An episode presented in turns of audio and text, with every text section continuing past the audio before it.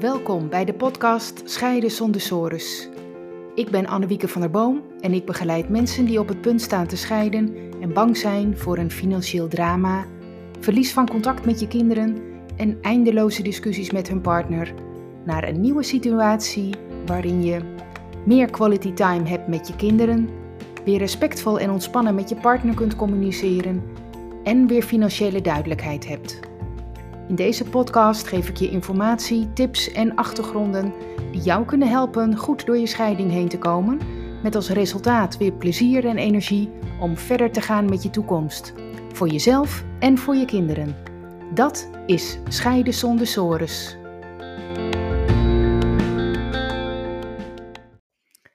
Leuk dat je weer luistert. Misschien heb je nu in januari wel het besluit genomen om te gaan scheiden. De knoop heb je doorgehakt. Of je hebt al wel aan je partner eerder verteld dat je wilt scheiden, of je hebt het gehoord dat de ander wil scheiden. Maar de volgende stap om echt actie te ondernemen, om alles te gaan regelen, bijvoorbeeld naar een mediator gaan, die wil je nu echt zetten. Alleen je merkt, het lukt niet zo om tot actie te komen. Misschien is je situatie zo dat je wel hebt besloten dat er een scheiding komt, hè, maar je schuift het voor je uit. Het hoeft ook niet direct, het kan ook wel later. En je ziet eigenlijk ook wel op tegen alle keuzes die je moet maken. Ja, logisch. Wat heb je nodig om een goede keuze te maken? Ja, allereerst is het heel belangrijk dat je kijkt eh, bij het maken van keuzes. Wat vind jij nu belangrijk bij jouw scheiding? En dat is dus heel persoonlijk. Hè? Wat vind jij belangrijk? Niet wat de mensen in het algemeen belangrijk vinden. Nee, wat is voor jou en ook voor je partner belangrijk bij een scheiding, bij een goede scheiding. En dan kun je bijvoorbeeld denken aan hoe het met je kinderen gaat. Of je nou kleine kinderen hebt of middelbare school of dat ze al volwassen zijn. kinderen hebben natuurlijk altijd eh, eh, te maken met de gevolgen van de scheiding van hun ouders. Dus ja, dat kan een element zijn dat je dat belangrijk vindt.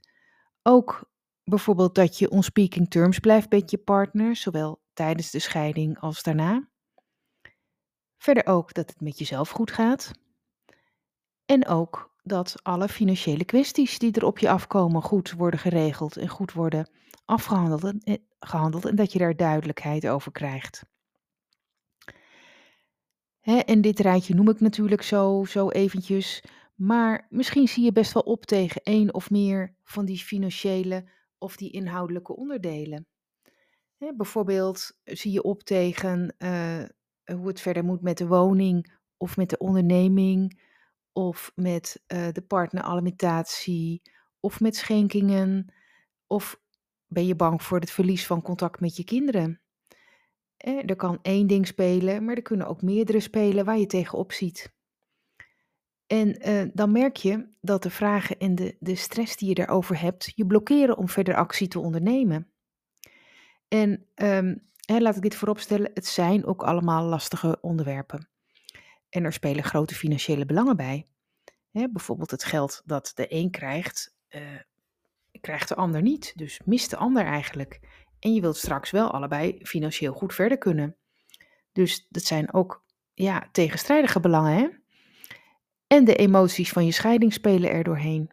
Je voelt je misschien schuldig omdat jij degene bent die de scheiding heeft geïnitieerd.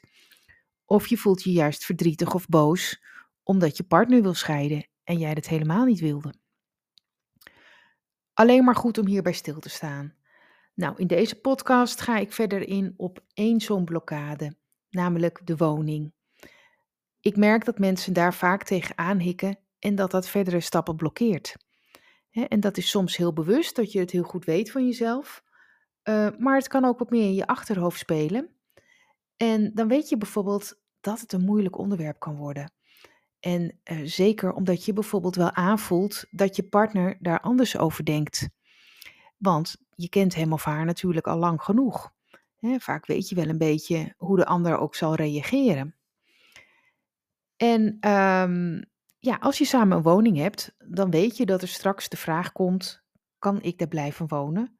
Of blijft mijn partner daar straks wonen? Of moet de woning verkocht worden? Ja, en daar heb je niet zomaar antwoord op. Want als er een hypotheek op de woning zit, moet je weten of jij, als jij in het huis wil blijven, die hypotheek kunt overnemen. Ehm, en zal de bank jou daar toestemming voor geven? Heb je voldoende inkomen daarvoor? Of moet je misschien een deel van je vermogen daarvoor gebruiken? En hoeveel vermogen heb je straks eigenlijk precies? En hoe hoog is je inkomen? Nou, dat weet je waarschijnlijk wel. Maar krijg je erbij nog partneralimentatie van je partner? En hoeveel? En wil je dat? En hoeveel overwaarde zit er nu eigenlijk in het huis? En hoe bepaal je dat? En welk deel moet jij nou weer aan je partner betalen? En andersom ook. Ehm, of andersom, dat zeg ik niet goed. Voor je partner spelen natuurlijk ook de vragen. Want hè, even ervan uitgaan dat jij het huis overneemt en je partner vertrekt. Waar moet hij of zij straks wonen? In deze woningmarkt, hoe vind je een woning? Wat kun je huren? Uh, of wat kun je betalen? Is de woning te vinden? in deze markt, wat ik net al zei. Uh, misschien iets kopen. Hoeveel, teken, hoeveel hypotheek heb je daarvoor nodig? Uh, wil je daar nog een deel van je vermogen, hè, van je spaargeld voor gebruiken? Ja, uh, dat komt allemaal op je af. En moet je daarvoor eerst helemaal gescheiden zijn? Of kun je ook al eerder een nieuw huis gaan huren of kopen? En hoe lang woon je dan nog samen in jullie gemeenschappelijke huis? En hoe verdeel je dan die kosten daarvan? Wat is eerlijk? Wat is gebruikelijk? Ja, en het kan natuurlijk ook zo zijn dat de woning verkocht moet worden. En dan spelen deze vragen voor jullie allebei. Um, de waarde van de woning hoef je dan niet meer te bepalen, maar je moet wel een makelaar kiezen en een termijn van oplevering en een vraagprijs.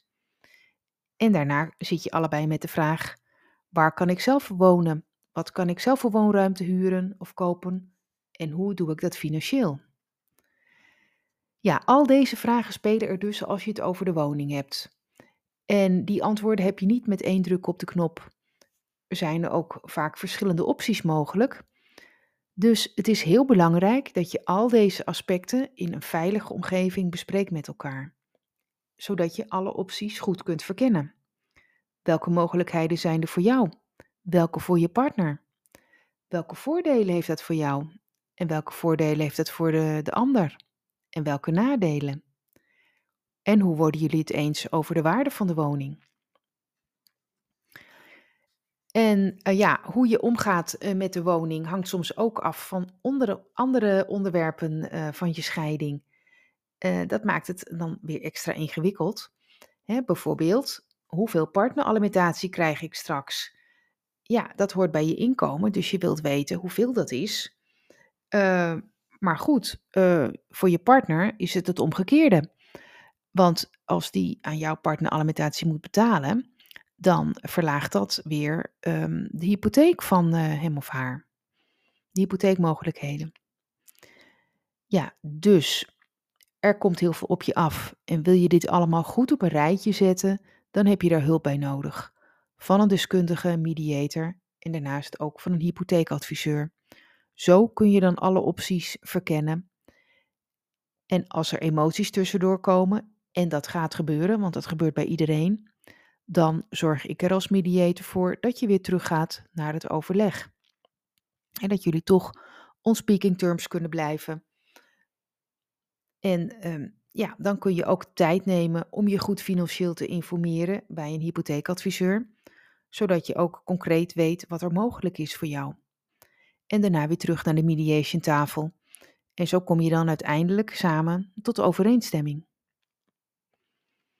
Ja, ik hoop dat, uh, dat je hier iets aan hebt. Hè, dat dit um, je wat informatie geeft over hoe moet het nou uh, met je woning. En uh, dat het je helpt om toch de stap te kunnen nemen als je dat wilt. Om um, toch naar een mediator te gaan. Heb je zelf vragen of onderwerpen waar je tegenaan hikt bij je aankomende scheiding? Um, stuur me een berichtje, want dan kan ik daar misschien een podcast over maken. Oké, bedankt voor het luisteren.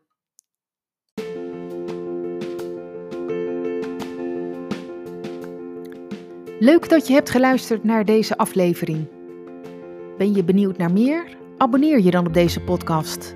Dat kun je doen door bij Apple Podcast op het plusteken rechtsboven te klikken en dan zie je volgen. Bij Spotify door linksboven op volgen te klikken. Wil je meer weten over mijn full service mediation?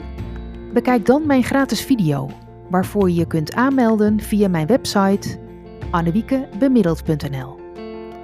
Tot de volgende aflevering.